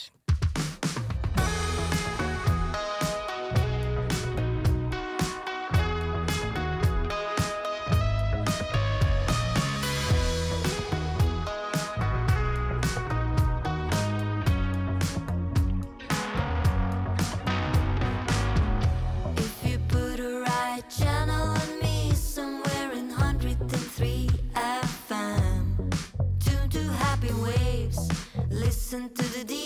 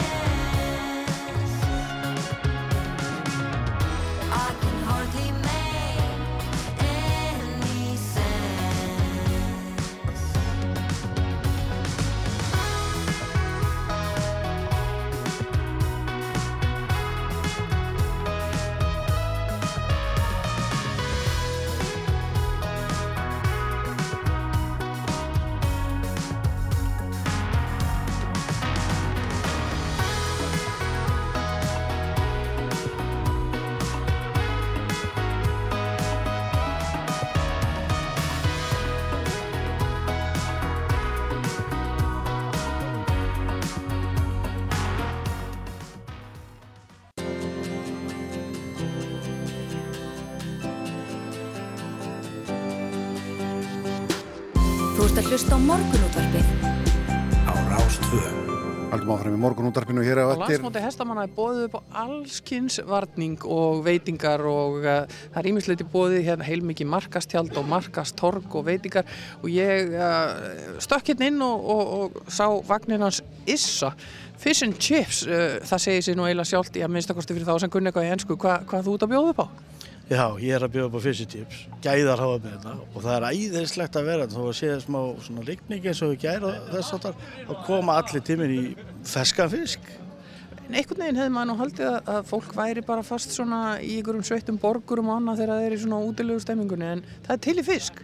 Já, það er nefnilega ekki sjálf gefið sko að, að fá góðan fisk. Og við, við erum sko, það er verið að græja og gera alveg allt á fulla á fytjum til þess að koma hingað, ég rekna með að fá svona þrjár, fjóra sendingar á dag ef þetta heldur svona áfram og þetta er bara svo gaman, það tekið svo vel á mót okkur eins og allt stað sem við komum og já, ég hef bara hlakka til helgarina sko. Það er kannski svona skemst að minnast þess að þú tókst þig til og hendur upp uh, eh, vagni við góðstöðarnar þegar mest gekk á þar. Hvernig var það æfintýri alls saman? það var náttúrulega bara brandar, sko, það var æðislegt, það náttúrulega bjargaði bara alveg COVID ástandinu hjá fyrirtækinu. Það var rosalega gaman, var ég var nú mest líka að hjálpa fólki. Sagt, það fann ekki bílana sín að það komið myrkur. Og svo lappaði þetta mér, hvað, hvað, við finnum ekki bílir og ég fór eitthvað að kera, þá var það kannski búið að leggja við Ísaskóla sem að lengur þurri, en það, spenningur var svo mikil að komast upp. Og svo fölgduðu bara flóðinu sko tilbaka. Og þá voruð bara allt öðru stað, öðru landslutalíkuð. En gæst ekki selt en fisk í leiðinni? Þá er ég oft búin að loka, þannig að ég var ofta að rúnda bara eftir á, en sem var náttúrulega bara mjög gaman líka.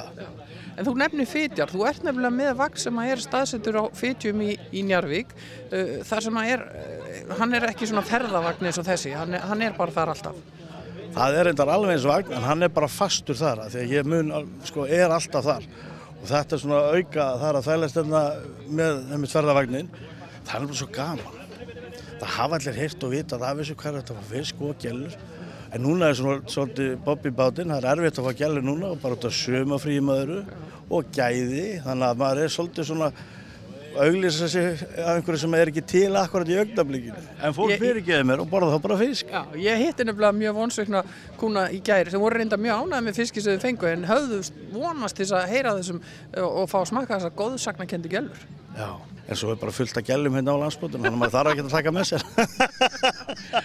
Já, ég, svona þegar ég hugsaði svona aftur í tíman til þess þegar ég var krakki og það voru uh, gælur í matinn einhver staðar, þetta var nú ekki beint gyrnilegt en þínar eru eitthvað, eitthvað öðruvísi.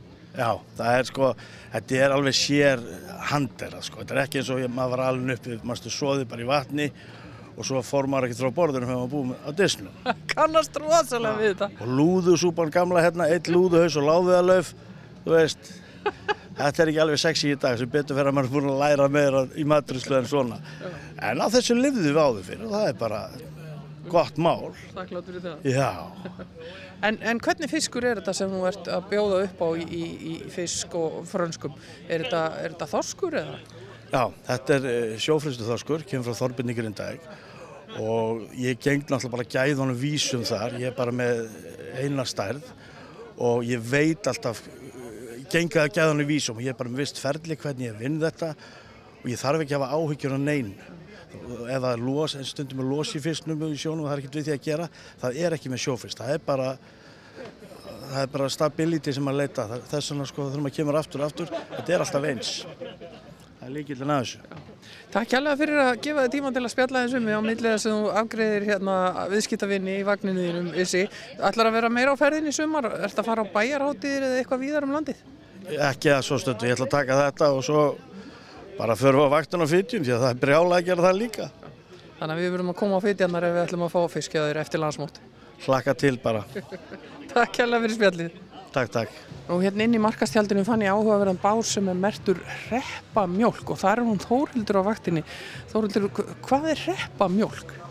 Uh, við erum að selja ófeitusprengda mjólk í sjálfsölum og við erum, það er svona fyrst og fremst að kynna það og svo erum við líka með, hérna, við erum að kynna ís sem er ekki ennþá komin á marka en kemur von bráðar og svo erum við líka með jógurt og við erum að útbúa svona jógurtskálar með alls konar svona berjum og músli og alls konar úti.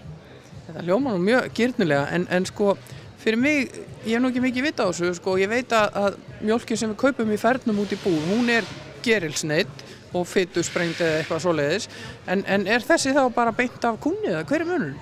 Uh, Þessi er gerilsneitt af því að það er skilda gerilsneiðana en hún er, svona, hún er sem næst upprönnum sínum og þú getur fengið hana og hún er hérna, ófeitissprengt þannig að hún er, svona, hún er feitari heldur en venjuleg mjölk og þá kemur svona þykkt rjómalag efst í flöskuna. Þetta hljómar alveg, alveg frábælega. Hvernig hafa hestamenn á landsmóti tekið í þetta? Er fólk forvitið um, um vörun ykkar? Já, þetta hefur bara gengið mjög vel og það eru mjög margir forvitnir og skoða vel.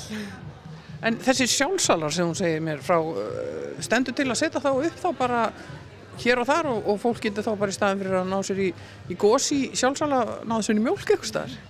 Um, við erum komið einn sjálfsala í krónunni Lindum og svo voru að koma einhverju þrýr til landsins í gær þannig við stefnum að því að setja það í fleiri krónuverslanir.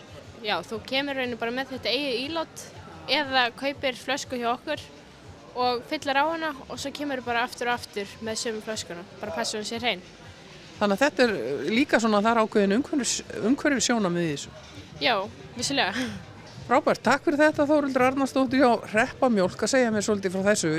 Ég held ég verði að prófa að fara að fá mér mjólk í sjálfsala, það ljómar spennandi. Já, þú verður að gera það. Takk kjærlega fyrir spjallið. Takk sem við leiðis. Eins og gefur að skilja þá er mikið að hestaförun til sölu í uh, markastjaldinu á landsmóti hestamanna. Ég kíkti hérna inn í einn slíkan bás. Þetta er litla hestabúðin og þar er hún Sigriður Péturstóttir. Hva, hvað fær maður í litlu hestabúðinni? Sko það fæst alls konar í litlu hestabúðinni. Þetta byrjaði þannig að ég var að sapna svona gjafavörum sem að tengjast íslenska hestinum. Þannig byrjaði búðin hjá mér. En svo er ég náttúrulega aldrei manisk. Þannig að það er komið út í fött og svo erum við að selja ennisólar á hestana sem eru handskreittar af mér og koninni sem fann það að dröða upp. Og það heiti Birgittes, Birgittes Bling Bling. Þannig að við erum aldrei svona skreittar hérna, allar ykkur meðalsteinum og latum. En þetta er mjög vinsalt, er það ekki, í, á beislisbúnaði og annað, það, þetta er orðið bara eins og skart. Jú, algjörlega og sérstaklega náttúrulega yngri kynslaðin er að elska þetta. Og það er náttúrulega líka svolítið gaman þegar þetta er ekki fjöldaframleitt. Það er að velja sér alls konar liti, að byggja okkur um að gera eitthvað sérstakt og, og skreita með sér nakkin og allt. Þannig. Nú ert þú þetta fyrir utan að vera í, í því að selja hestaförur, þá ertu þetta bæði knapi og reyðkennari og dómari og kemur einhvern veginn að þessar grein frá öllum hliðum. Uh, hefur sjálf keft á landsmóti og ýmsum aldrei, hvernig upplifun er það að taka þátt í kefna á landsmóti? Það eru staðistu mómentin í minni hestamennsku. Ég hef átt alveg hérna einhverja sigra og, og klúðraða ýmsum málum líka en ég bara, maður gleymir aldrei að ríða á stóra sviðinu. Það er bara allt annað heldur en að allt hitt bara. Þetta er algjörlega staðista sviðið. En hvernig er búið að vera hér á landsmótinu? Það er ofsalega jákað stemming á svæðinu finnst manni og allir svo gladir eitthvað. Það er það. Fólk er bara, það er mikil stemning í fólki og mikið af fólki komi á svæðið sem kemur þannig sig aðeins óvart og bara strax inn á sunnudeginum þá kom bara mega stemning og ákvaða gaman að sjá alla aftur og frá öllum þessum löndum og, og, og bara Íslendingarnir í, í þrjusu gýr sko. Nærðu að fylgjast eitthvað með keppninni þegar þú þarfst að standa vaktina í búðinni? Ég horfði á dótti mína, kom henn á svæði og hún í bjósli þannig að ég er mjög spenntið við því í barnafloknum En nei, ég var það að viðkjöna. Ég er svona, þegar vini minni kom inn sem ég veit er að, að ríða á mótinu, þá kemur svona skrítinsvipur á mér og ég segi alltaf, að ah, hvernig er þið búin að ganga? nei, það, ég er bara fyrst hérna og þetta er svolítið öðru í þessu upplifin. En ég hitt alla. Það er ekki það. En þegar að landsmóti líkur og, og þú fer heim á Solvang, uh, hvað er svona mest spennandi framöndan í hestamennskunni? E, ertu mest að huga að alls konar keppni eða er líka gaman að bregða sér bara á bakk? Ég er það mikið hobby reyðmanniska sjálf en ég er mikið að kenna og ég er líka með reyðkennslu fyrir fólk sem á ekki hesta. Þannig að ég ádáldi mikið að góðum hestum sem ég noti það. Er það ekki svolítið mikilvæg og þáttur einmitt að opna einhvern glugga fyrir fólk sem hefur áhuga en, en á kannski ekki allt sem til þarf? Jú, nákvæmlega. Og mér finnst líka bara að bennið geta stunda hestamennsku allan, allan ársins ring og ég kannski svona fer að færa maður meir út í það að hafa svona skipuleg námski fyrir fólki við veturinn. Þú veist þannig að, að eiga ekki allir að þurfa eiga hest til að geta fara á hestbakk og það er svona kannski meir eins og þetta hefur verið í Evrópu þar er þetta alveg hægt, þú getur tekið reytíma á laugadögum og fengið jörp vinkonu þín að lána það eða einhvern það veist og ég hef svolítið verið að færa múti í þetta en bara svona hægt og róla En þetta er svona svolítið nýjung á Íslandi. Hér hefur þetta verið svolítið þannig að fólk verður bara henda sér út í djúbulögin og kaupa nakkin og hestin og finna sér hestúspláss og, og allt þetta en, en auðvitað ættu, ættu að vera fleiri valmöguleikar. Já, nákvæmlega og þarna líka bara, þú veist þess að ég býr rétt á Selfossi þetta er að verða mikil byggð og ég held að vera bara mjög mikil markaði fyrir fólk sem að, vil stundi þetta en ekkert endilega bara svona sem að geti stundum farið í golf og stundum farið á hestbakk og stundum farið í göngu. Þú veist, þá er þetta alveg hægt. Uh, Framtíð íslenska hessins björt eins og alltaf, það, það er allavega lítur út fyrir það hér. Já, algjörlega, það var bara let's go íslenski hesturinn. Það er ekki spurning. Frábært, takk hjá fyrir spjallið Sigriði Pétursdóttir í Litlu hestabúðinni. Takk fyrir símulegis Ó, hver gott á lítilinn Leika frjálsum hlýð og dag Líða áfram létt sem hinn. Líta alltaf nýja minn Hvísla ljóðað grænni grein. Glettast ögn við lítinn fót. Lauma kossa á kaldan stein. Kastast áfram tær og hrein. Ég vildi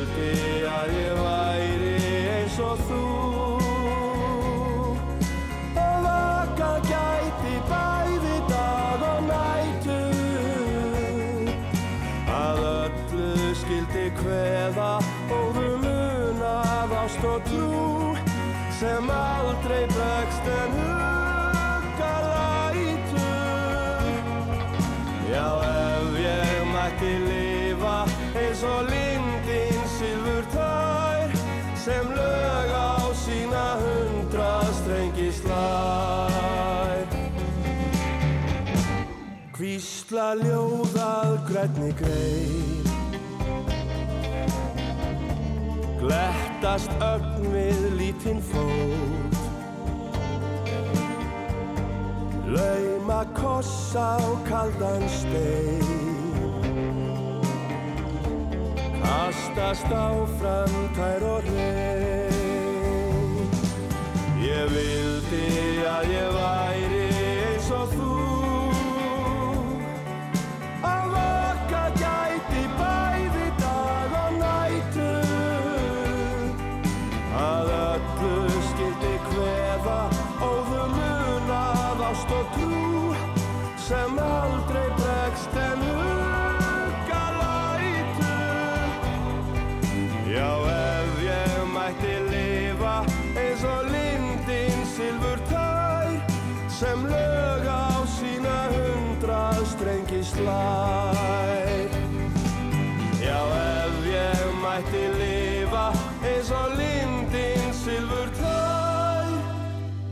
sem lög á sína hundrað strengi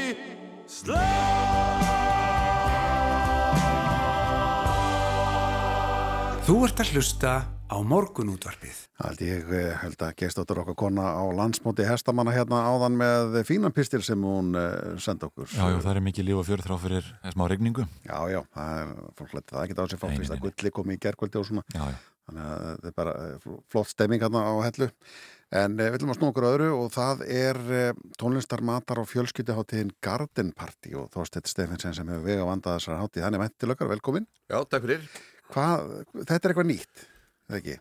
Jú, þetta er nýtt svona viðbyrjadagatæli borgarinnar. Já.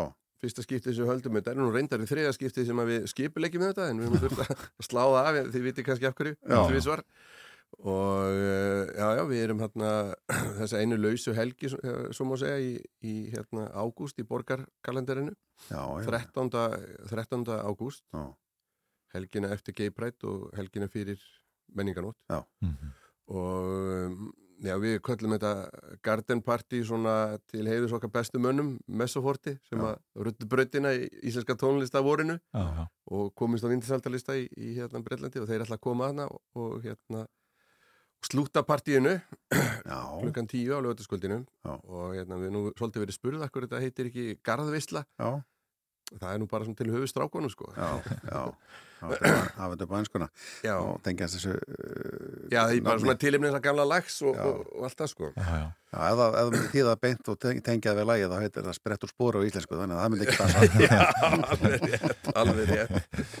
Einmitt, þe- þetta er áhugavert eh, en, en fyrirmyndin er í rauninu bara svona bæjarháttíð í Evrópu sem er þá meira stíluð inn á sko, alla fjölskyldina, ekki bara hérna Já. unga fólki Já, og það, það, er, það er akkurat máli sko. Ég kynntist svona hátíðin hérna, á því langa tíðanbili sem ég bjó á Spáni, það er halda borgin eða litlu bænir halda svona sína reygin hátíðir og í stóru borgunum þá er það hverfin sem halda hátíðarnar Mm.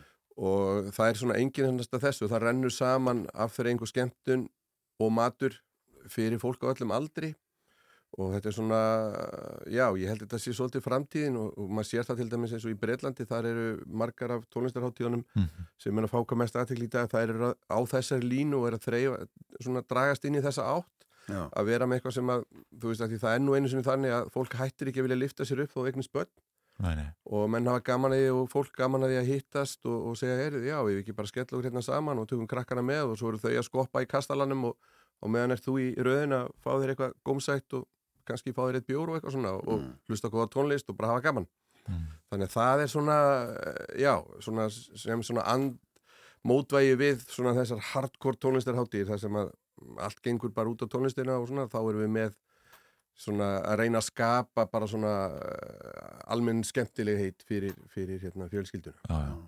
Er, er þetta lögadalurinn stór? Hvar er þetta í lögadalum?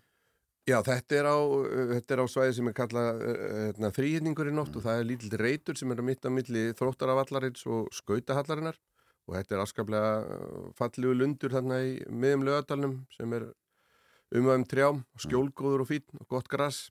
Og þarna ætlum við að koma fyrir einum tólf matartrykkum, við verðum með grill, útigrill, við verðum með alls konar svona skemmtilega vinkla á því, svo verður fullt af uh, leiktækjum fyrir krakka og við erum með þétt prógram fyrir hluti dagsins er svona við tekum mið af, af, af þrengu fyrir börnin ræningjarnir úr kardamum bænum koma þarna ávastakarfan og uh, eitt og annað Já.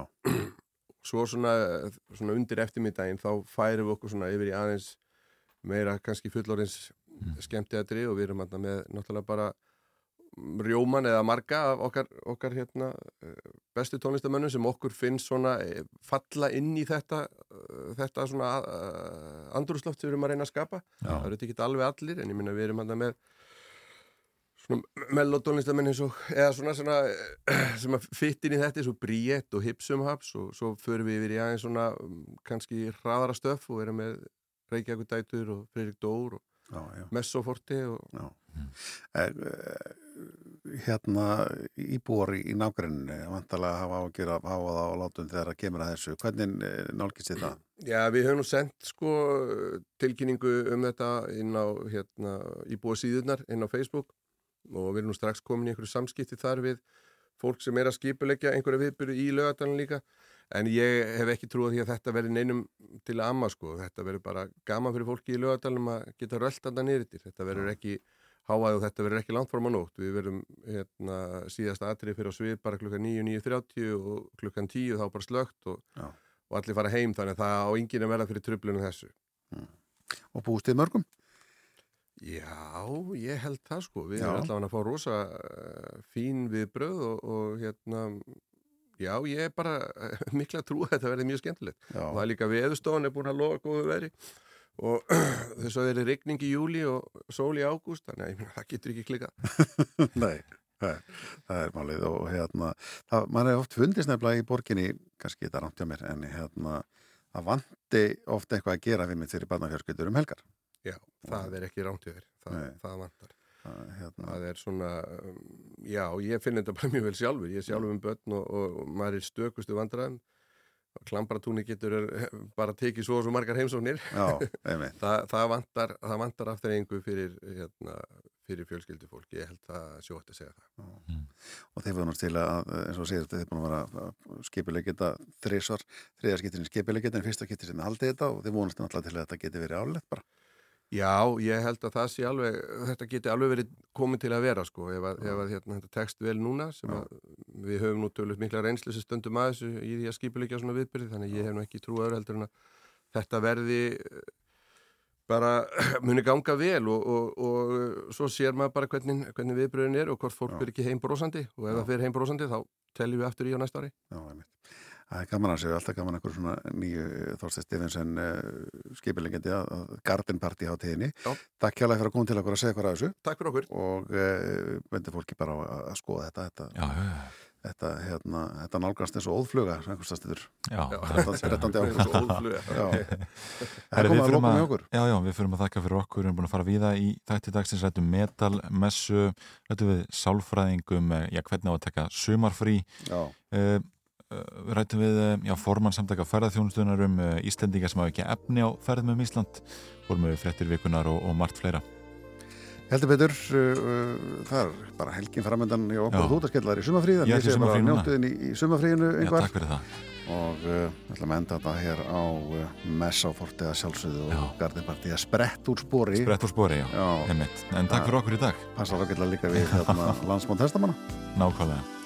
Njótiði dagsins og helgarinnar. Bless, bless.